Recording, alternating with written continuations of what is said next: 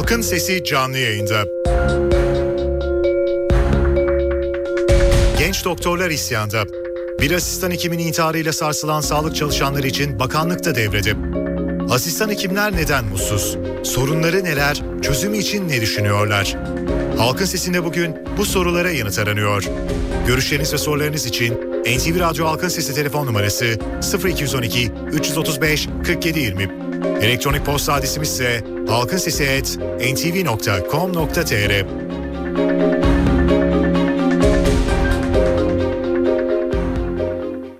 Halkın Sesi. NTV Radyo İstanbul stüdyolarındayız efendim. Halkın sesiyle bir kez daha sizlerle birlikteyiz. Hekimlerle yapılan özellikle de genç doktorlarla yapılan ankette ilginç bir çarpıcı bir durum ortaya çıkıyor.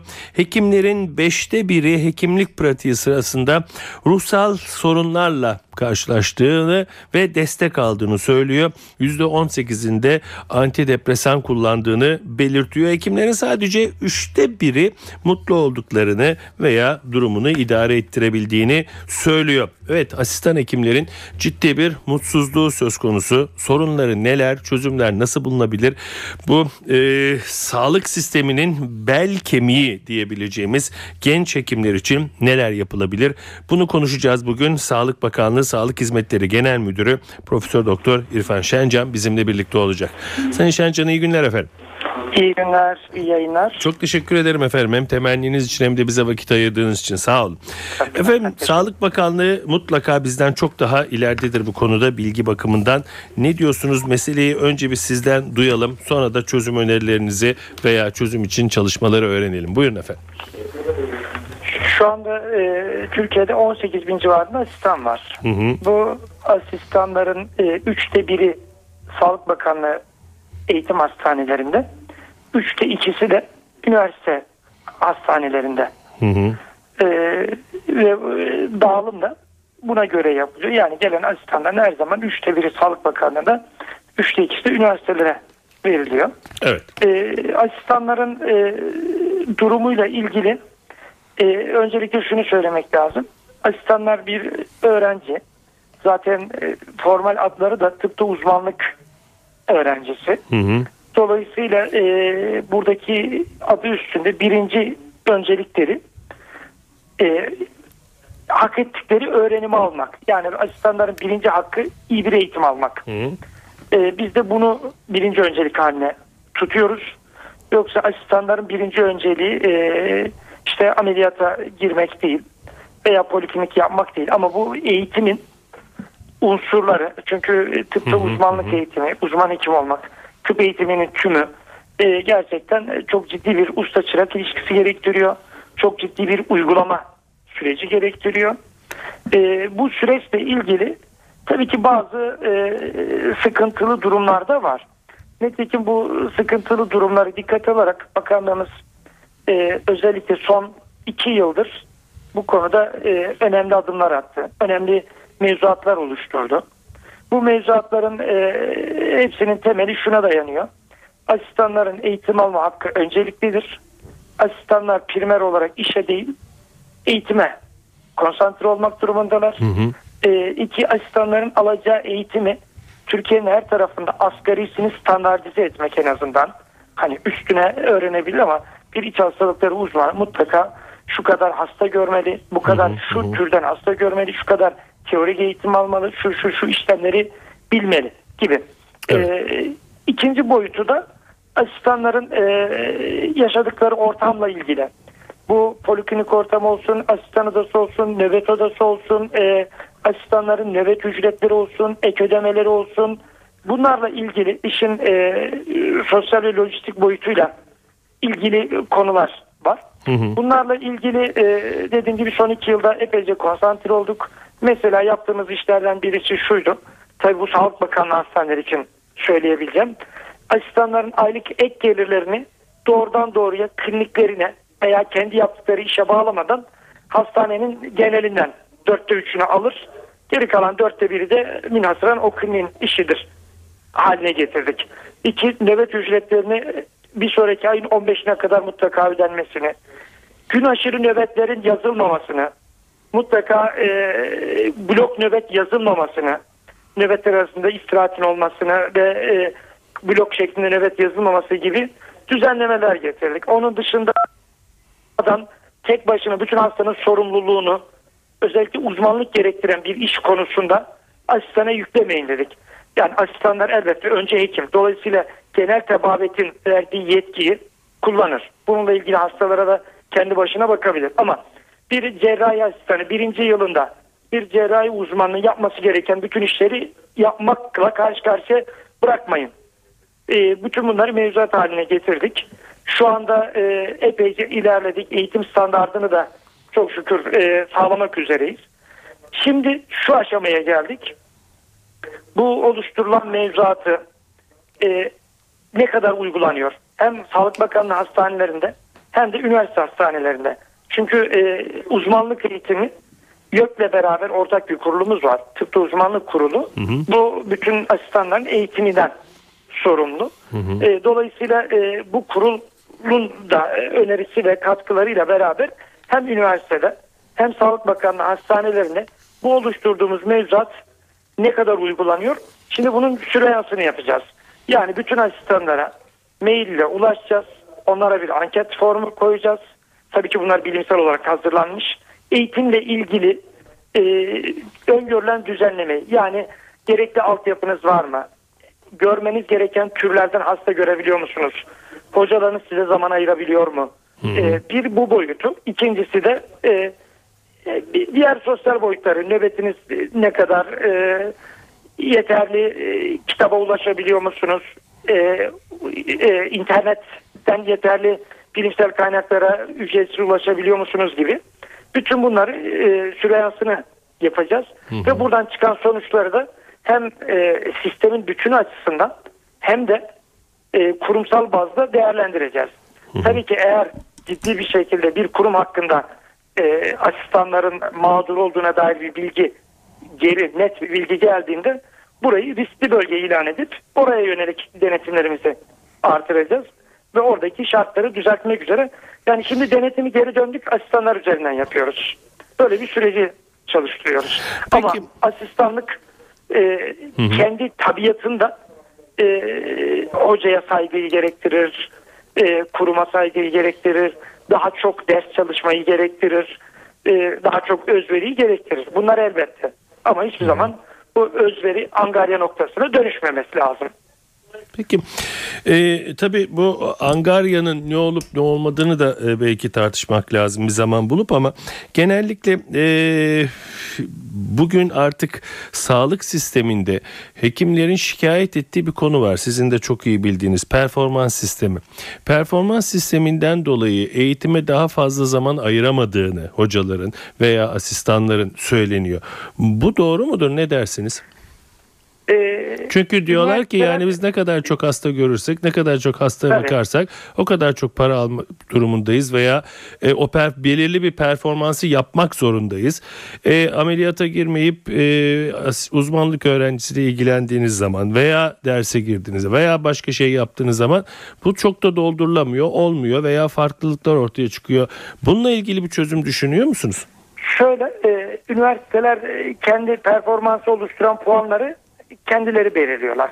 O konuda e, bir hükümde bulunmayın. Ama Sağlık Bakanlığı'nın performans sisteminde alınacak ücretin oluşturacak puanların e, doğrudan doğruya üçte biri asistanlara verilen eğitimle alakalı. Hı hı. Yani e, bunu yapıp yapmadığıyla alakalı. E, hesap çok açık, net, e, günlük e, aktif çalışma süresi hani günlük 8 saat 9 saat mesainin aktif çalışma süresinin 6,5 saat falan olması beklenir. 6,5 ile 7 saat civarında olması gerekir. Bu 7 saatte yapılan işe bakıldığında e, gerçekten asistanlara ders anlatmak için her gün 1 saat ders anlatılsa ben kendim de hocayım. Aktif olarak da buna devam etmeye çalışıyorum. Her gün bir saat ders anlatılsa çok ciddi bir teorik e, potansiyel oluşturuyor. Diğer kısmı zaten asistanlarla birlikte yapılıyor. Eğer siz hastanızı yanınıza asistan almadan bakıyorsanız eğer siz ameliyata hiç yanınıza asistan almadan Bu zaten bu zaten veya mümkün değil tabii. sadece asistan girmeyen işleri siz yapıyorsanız asistan eğitimde ciddi bir aksama olur. Ama eğitim hastanesinde ister Sağlık Bakanı olsun, ister üniversitenin olsun. Zaten hocanın asistanlarıyla beraber işe girmesi gerekir. Puan da aynı yerde, asistan eğitimde birlikte bu uygulamalı bir eğitim. Dolayısıyla bunun e, reel olduğunu düşünmüyorum. Reel Peki- olmadığına da inanıyorum. Çünkü bu hesap ortada. Eğer siz dediğim gibi biz asistanların girmediği ameliyatlara sadece hocalara mahsus ameliyatlara gireceğiz gibi bir derdiniz yoksa zaten bu ameliyatta beraber girmeniz lazım. Zaten polikliniği beraber yapmanız lazım. Ee, bir de dediğim gibi üçte biri pür asistan eğitiminden kaynaklanıyor etkililerin. Peki e, hasta e, sayısıyla he, hekimin karşılaşma durumu yani peki hastanın e, sayısı gerçekten bu eğitimi sürdürebilmek veya bu hastaya yeterli zamanı ayırabilmek için söylendiği gibi olanaksız mı yoksa bu gerçekten mümkün mü? Çünkü sorumlu bir hekimin ne bileyim ben en azından hastasına kişi başına ayırdığı vakit işte 3 dakika 5 dakikaysa bunun sorumluluğunun da onu mutsuz etmesi söz konusu değil mi? Bu bir gerçek. Şu anda hekimler üstünde iş yükünün sadece hekimler değil, bütün sağlık çalışanları, hemşirelerin durumu daha da sıkıntılı. Sağlık çalışanı sayısı sınırlılığından dolayı ciddi bir iş yükü olduğu açık. Bu bir gerçek. Bu o kadar açık bir gerçek ki e, OECD rakamlarıyla kıyasladığımızda, Avrupa bölgesiyle kıyasladığımızda veya direkt Avrupa Birliği rakamlarıyla kıyasladığımızda e, hekim olarak onların ortalamasının yarısındayız. Hemşire olarak da ortalamasının dörtte birindeyiz. Bunlar herhalde hekim ve hemşire sınırlılığımızı ifade etmek için e, çarpıcı rakamlar diye düşünüyorum. Ha şunları da söyleyelim. Türkiye'de ortalama e, hasta poliklinik hastasına ayrılabilen zaman 10 dakika ortalaması bunun. Altında da olduğu oluyor, üstünde de olduğu oluyor ama öngörülen e, bu merkezi randevu sisteminden de 10 dakika. Fiili durumda da 10 dakika civarında ama e, 10 dakika ideal mi? Hayır. Bazı hastalar olur. Evet 10 dakika yeter ama bazı hastalar da olur. 60 dakika hastaya zaman ayırmanız lazım. 40 dakika zaman ayırmanız lazım. Dolayısıyla şu anda Türkiye'de e, her halükarda hastalara ayırabildiğimiz zamanın istediğimizden çok daha az olduğu ve e, bunda da en önemli kısıtımızın hekim ve hemşire sayıları ortada e, olduğu bir gerçek. E, bunu artırmak da çok önemli. Bunu hem sayısal hem de nicelik olarak artırmaya çalışıyoruz. İşte asistan eğitimine verdiğimiz önem yine diğer taraftan e, üniversite arası kurul olsun, YÖK olsun, tıp fakültesi e, grubu olsun, tıp dekanları olsun. Tıbbın lisans eğitiminde ciddi bir çaba var. Bir taraftan da sayılarda son 4 yıldır kontenjanlarımızda e, önemli bir artış oldu. İnşallah bunların mezuniyetiyle beraber 2023'e kadar bu kısıtlılıkları önemli oranda aşmış olacağız. Ha aşıp da Avrupa Birliği rakamlarına yine çıkmayacağız ama Avrupa Birliği ortalamasına yaklaşmış olacağız. E, hemşire sayısında da yine OECD ortalamasına yaklaşmış olacağız. Bu bizim için hem hekimlerimiz hem hemşirelerimiz hem diğer sağlık çalışanlarımız hem de hastalarımız için bir hak olarak görüyoruz. Şimdiye kadar bu hakkın neden teslim edilmediyse ayrı bir sorun. Ama artık e, bunu tespit edip burada takılmayıp hastaların ve hekimlerin bu yeterli zaman ayırabilme haklarını teslim etmemiz lazım. Bunun için çalışıyoruz. Peki efendim. Sayın Şencan çok teşekkür ediyorum bize vakit ayırdığınız için efendim. Ben Sağ çok olun. teşekkür ederim. İyi yayınlar. İyi günler efendim. Çok teşekkürler. Sağlık Bakanlığı Sağlık Hizmetleri Genel Müdürü Profesör Doktor İrfan Şencan bizimle birlikteydi. Dinleyici görüşlerine döneceğiz. Bizi dinleyen birçok hekimin olduğunu biliyoruz. Gerçekten e, durum nedir? Aslında en iyi e, sanıyorum onlardan öğreneceğiz. Gerçekten doktorlar mutsuz mu bu e, ankete yansıdığı gibi? Mutsuzsa neden mutsuz? Onları mutsuz eden şey nedir? Ekonomik koşullar mıdır? Çalışma koşulları mıdır? E, veya hastalarını ayırmak zorunda oldukları kısıtlı zaman mıdır? Takip ettikleri veya edemedikleri kongreler midir? Aldıkları veya alamadıkları dergiler, kitaplar mıdır? Görüşlerinizi bekliyoruz. Görüşleriniz ve sorularınız için NTV Radyo Halkın Sesi telefon numarası 0212 335 4720. Elektronik posta adresimiz ise halkinsesi@ntv.com.tr. Halkın Sesi.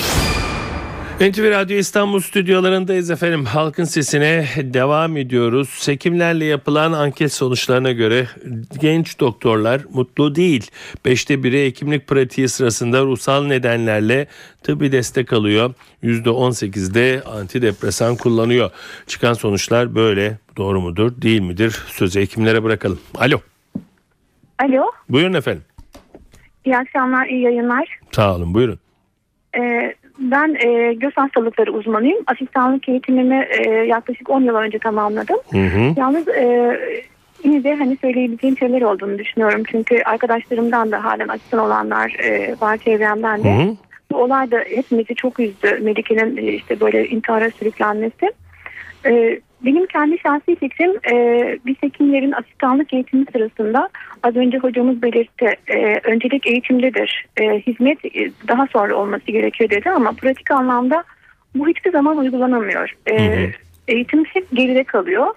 E, Bir an önce işte polikliniğe başvuran hastaların bir şekilde tedavi edilmesi, ilaçlarının yazılması veya yatırılması gibi işlemler öncelik alıyor ve asistanların eğitimi e, hocalarla bir araya gelebilmesi, seminer hazırlayabilmeleri e, çok gerilerde kalıyor maalesef. Aşırı uzun mesai saatleri söz konusu oluyor. Nöbetler, nöbet ertesi çalışmalar. Ben e, blok nöbet tuttuğumu çok hatırlarım. E, bu şöyle demek oluyor. Yaklaşık işte bir 72 saat boyunca sürekli hastanede kalıyorsunuz. Hı hı. Ve, e, bu süre zarfında yine hastalarla karşılaşmaya, işte ameliyathaneye girmeye devam ediyorsunuz. Sizden de sürekli olarak e, dikkat isteyen bir iş bekleniyor. Yani ben Evet. e, çevremde gördüğüm kadarıyla e, hiç öyle e, asistanlığının birinci ikinci yılında 8 saat çalışan hekim görmedim. En az çalışanı 10-12 saat çalışıyor gibi geliyor bana doğru mudur? E, doğru söylüyorsunuz. Özellikle işte dahiliye, çocuk, kadın doğum gibi branşlarda ayda 15 nöbetken başlar. Hı hı, Bu işte hı yaklaşık gün aşırı nöbet gibi bir şey Tabii. oluyor. Bir gün evde ben olmak, göz bir hastalıkları uzmanıyım. Ben işte özellikle nöbet sayısının az olmasını tercih etmiştim. Ee, bizimkinde 8-10 nöbetle başlamıştı. Hı hı, hı. Giderek e, yıllar içinde kıdemlendikçe azalır.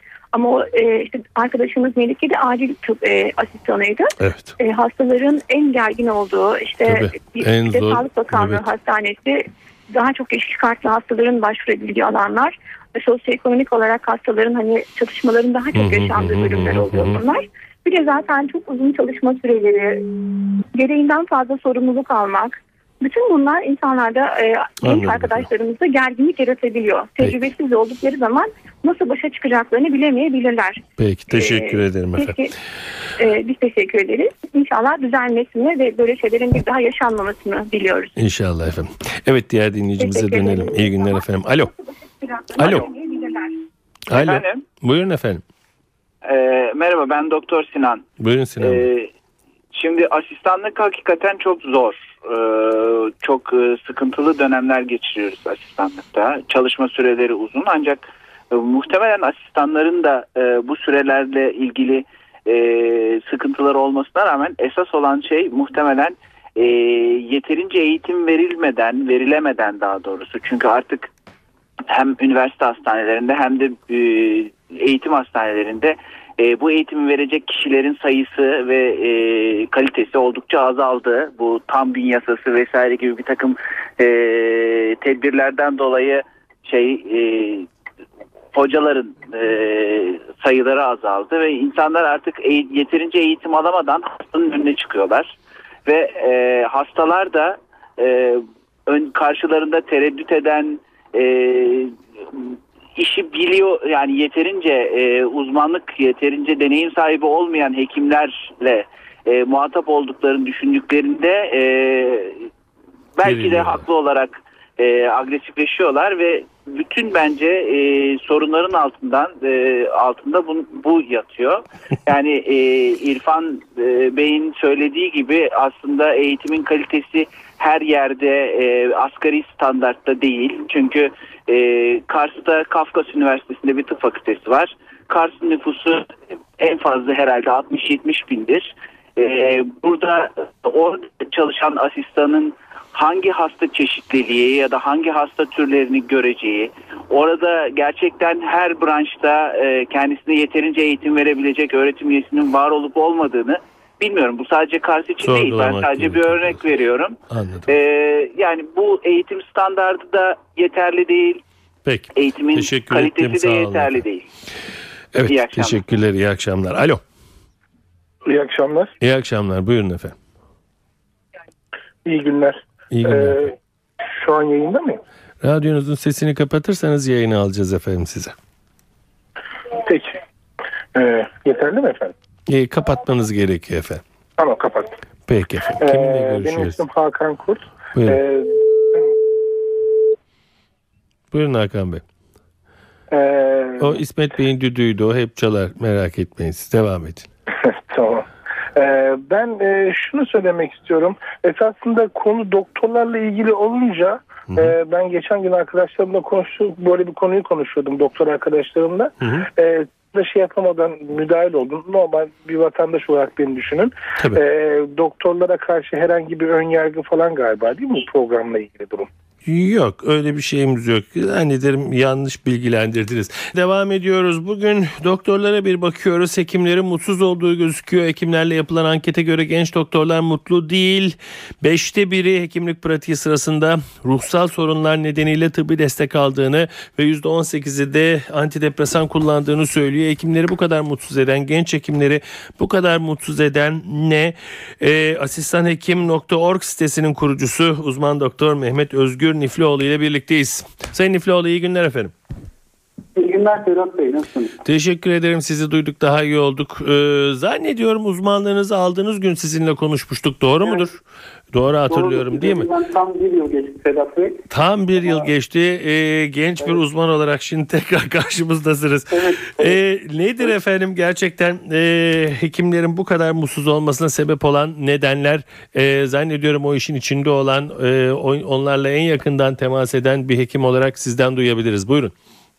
Ee, öncelikle Sedat Bey, Türkiye'nin Landrus'tan programında biz genç hekimlere ses verdiğimiz için tüm genç hekim arkadaşlarım adına gerçekten çok teşekkür ediyorum. Rica ederim buyurun. Ee, hayatın en üzümlü anı, birisine kapıldığın bir kimliğin polikliniğinde açabilecek bir çiçek olmadığını anladığın andır. Bırak gitsin, bırak gitsin. Bırakıp gidelim mi kalalım mı yoksa bilmiyoruz. Bilemiyoruz ne yapalım Sedat Bey. Gerçekten e, anket sonuçlarımızı da siz de detaylı bir şekilde incelediniz. E, durum çok enteresan. E, ben anket sonuçlarını siz üstünden geçtiniz ama bir kez daha hızlıca geçmek istiyorum eğer izin verirseniz.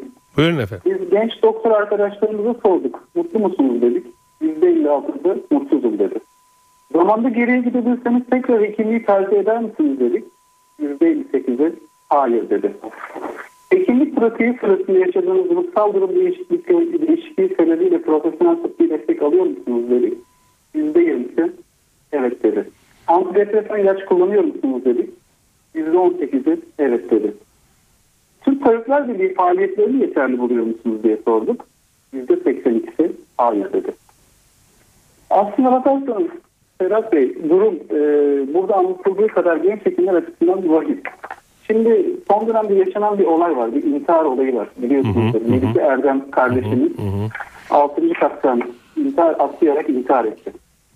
E, ve bunun e, işte stabil soruşturmasıyla ilişkili olduğu, e, şikayetlerle şikayetlerden kaynaklandığı gibi durumlar e, gündeme geldi. Hı hı. Açıkçası ben şunu söylemek istiyorum. 1980 sonrasında politik döneminde yetişen, okullarını dereceyle bitiren, kariyeri takdir, teşekkür, onur belgeleriyle dolu olan ve üniversite sınavlarında tartışmasız başarı gösterip vatana millete hizmet etmek için hekimliği seçen biz genç hekimlerin eline soruşturma adıyla biz belge gelince inanın tek tek titriyoruz, moralimiz bozuluyor, motivasyonumuzu kaybediyoruz. Çünkü bizlerin geçmişinde neredeyse hatalı yaptığımız hiçbir şey yok. Bizlere tıp fakültelerinde hocalarımız tarafından öğretilen en önemli kavram hata yapmamak. Çünkü hatanın telafisi yok. Hata bizde, ölüm dedim. Tabii ki zaman zaman takdir ilahinin ötesine de geçemiyoruz. Nasıl ki hatasız kul olmaz, hatasız doktor da olmaz. Ama ben buradan vatandaşlarımıza, bizleri dinleyen vatandaşlarımıza bir kez daha söylemek istiyorum. Biz hatayı isteyerek, bilerek yapmıyoruz. Ve çoğu zaman da hataların birçoğu 33 saate varan uzun çalışma saatlerinden kaynaklanıyor. Bu bağlamda çözüm noktasında neler yapabiliriz? Ee, bunlardan da biraz bahsetmek istiyorum. Yani burada Sağlık Bakanlığı'ndan e, İrfan Bey az önce güzel örnekler verdi. Kendisine teşekkür ediyoruz. Fakat Bu durumun biraz daha geliştirilmesi lazım. Siz de bir, bir şekilde bir hocamızsınız. Bunu da iyi biliyoruz. Dünya Sağlık Örgütü sağlığı ruhen ve bedenen sağlıklı olma durumu olarak tanımlanır. O sebeple genç hekimlerin ruh sağlığı Türkiye'nin sağlıklı geleceğini garantisidir. Bu yüzden vatandaşların özellikle genç hekimleri şikayet etmek yerine sahip çıkması kendi sağlıkları için oldukça elzemdir. Bu bağlamda açıkça söylüyorum. Direkt Sağlık Bakanı'na bağlı genç hekimlerin sorunlarını iletebileceği ve bu sorunlara çözüm bulabileceği bir mekanizma acilen kurulmalıdır. Aynı stabil benzeri bir mekanizma talep ediyoruz. Hı hı. Türkiye'de 25-35 yaş arası genç hekimler sosyal medyayı çok aktif bir biçimde kullanmaktadır. Sosyal medya tabanlı, Sağlık Bakanı'na direkt bağlı bir çözüm mekanizması genç hekimlerin problemleri için mutlaka ama mutlaka kurulmalıdır. Buradan Sağlık Bakanı Profesör Doktor Recep Aktar sesleniyoruz. Bu yönde lütfen acilin adım atın. Hepimiz aynı gemideyiz.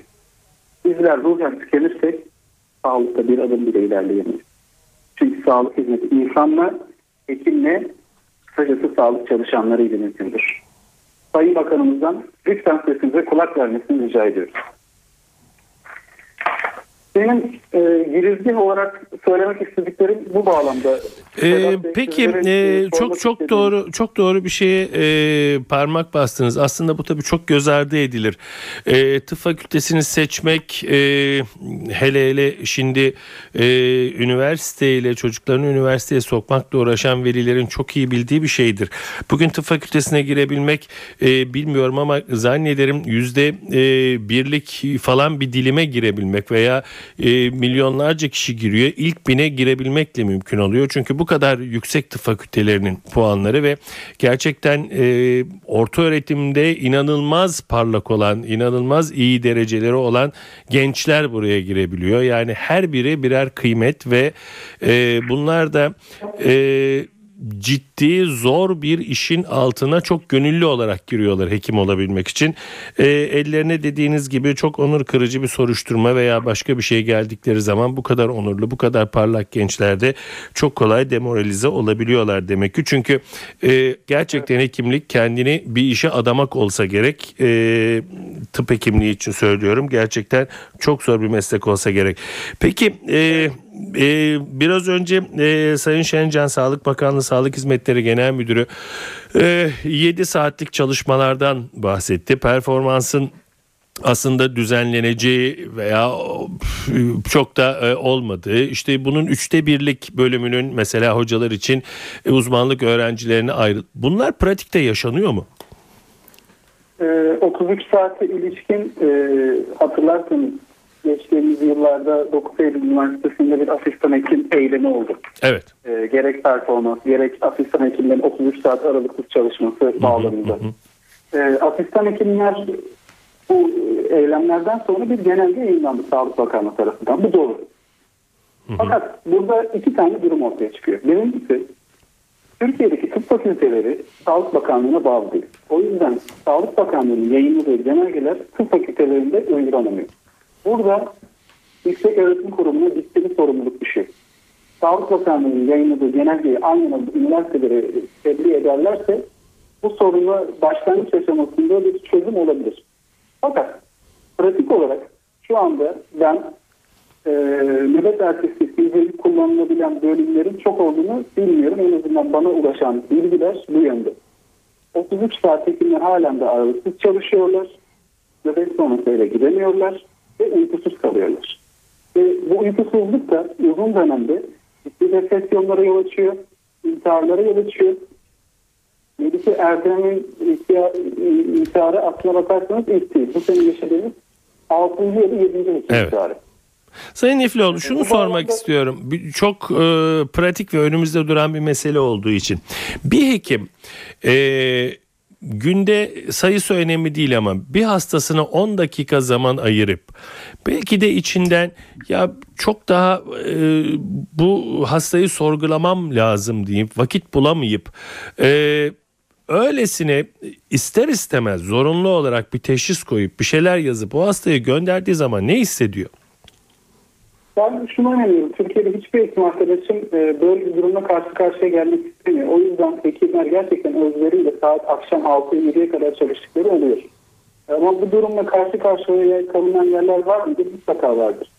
Ama bu gerçekten hoş bir durum değil. Dünya Sağlık Standartları zaten Türkiye'de, pardon dünyada bir hastaya en az 20-25 dakika ayrılmasını öneriyor. Hı hı. Belki ilerleyen dönemde işte sağlık istihdamının planlanması, sağlık iş gücündeki sayı artışı beraber bu sorunun üstesinden gelinebilir. Fakat o dönemde benim merak ettiğim soru ise şu. Eğer biz bundan birkaç yıl sonra bir hastaya 20-25 dakika ayırırsak performans sistemi nasıl işleyecek? Hı hı. Yani acaba biz daha az hasta baktığımız için daha az mı ücret alacağız? Ben de İrfan Bey bilmiyorum canlı yayın ama ona Yok değil. soruyu iletmek istiyorum. Bunu gerçekten merak ediyorum. Galiba bu performans sistemi belirli bir sisteme oturtulmadan ne hastalar ne hekimler ister istemez rahata kavuşmayacaklar gibi geliyor. Sedat Bey e, bir şey derken istiyorum. Aslında Amerika Birleşik Devletleri bu şu an bizim yaşadığımız süreçleri 20 yıl önce yaşamış. Hı hı. Diye bir olay vardır. Libizyon davası diye geçer. Bilmiyorum bilginiz var mıdır? Hı hı. E, adında bir hasta vefat eder. Evet. E, yakını avukattır. Ondan sonra araştırır. Ya benim hastam niye öldü? Niye bu bizim başımıza geldi? diye. Sonra bakar eder işte hasta kayıtları Amerikan adalet sistemini biliyorsunuz filmlerden de biliyoruz. azından. Çok detaya inerler. Sonra bakar ki bir de Lyon'a bakan hekim yaklaşık 30 saattir uykusuz. Hı hı. 30 saattir uyumuyor. Ondan sonra derler ki hekimler bu kadar uzun süre uykusuz kalmamalı. Bu kadar uzun çalışma şartları altında yorulmamalı. Bir sistem kuralım derler. Ve Amerika'da ACGME denilen bir sistem kurulur. Bir yapı kurulur. Hı hı. Bağımsız ne bakanlığa ne YÖK'e ne de başka bir şeye bağlı olmayan asistan hekim eğitimini denetleyen ve klinik kapatma yetkisine sahip olan bir yapı kurarlar ve şu an o yapı devam ediyor. Geçtiğimiz sene Amerika Birleşik Devletleri'nde Q4, Q1, Q4 dediğimiz bir sisteme geçildi. Artık yeni çömlek asistan hekimler uzun saatler çalışmadan işlerini yapabilir hale gelmiş durumdalar.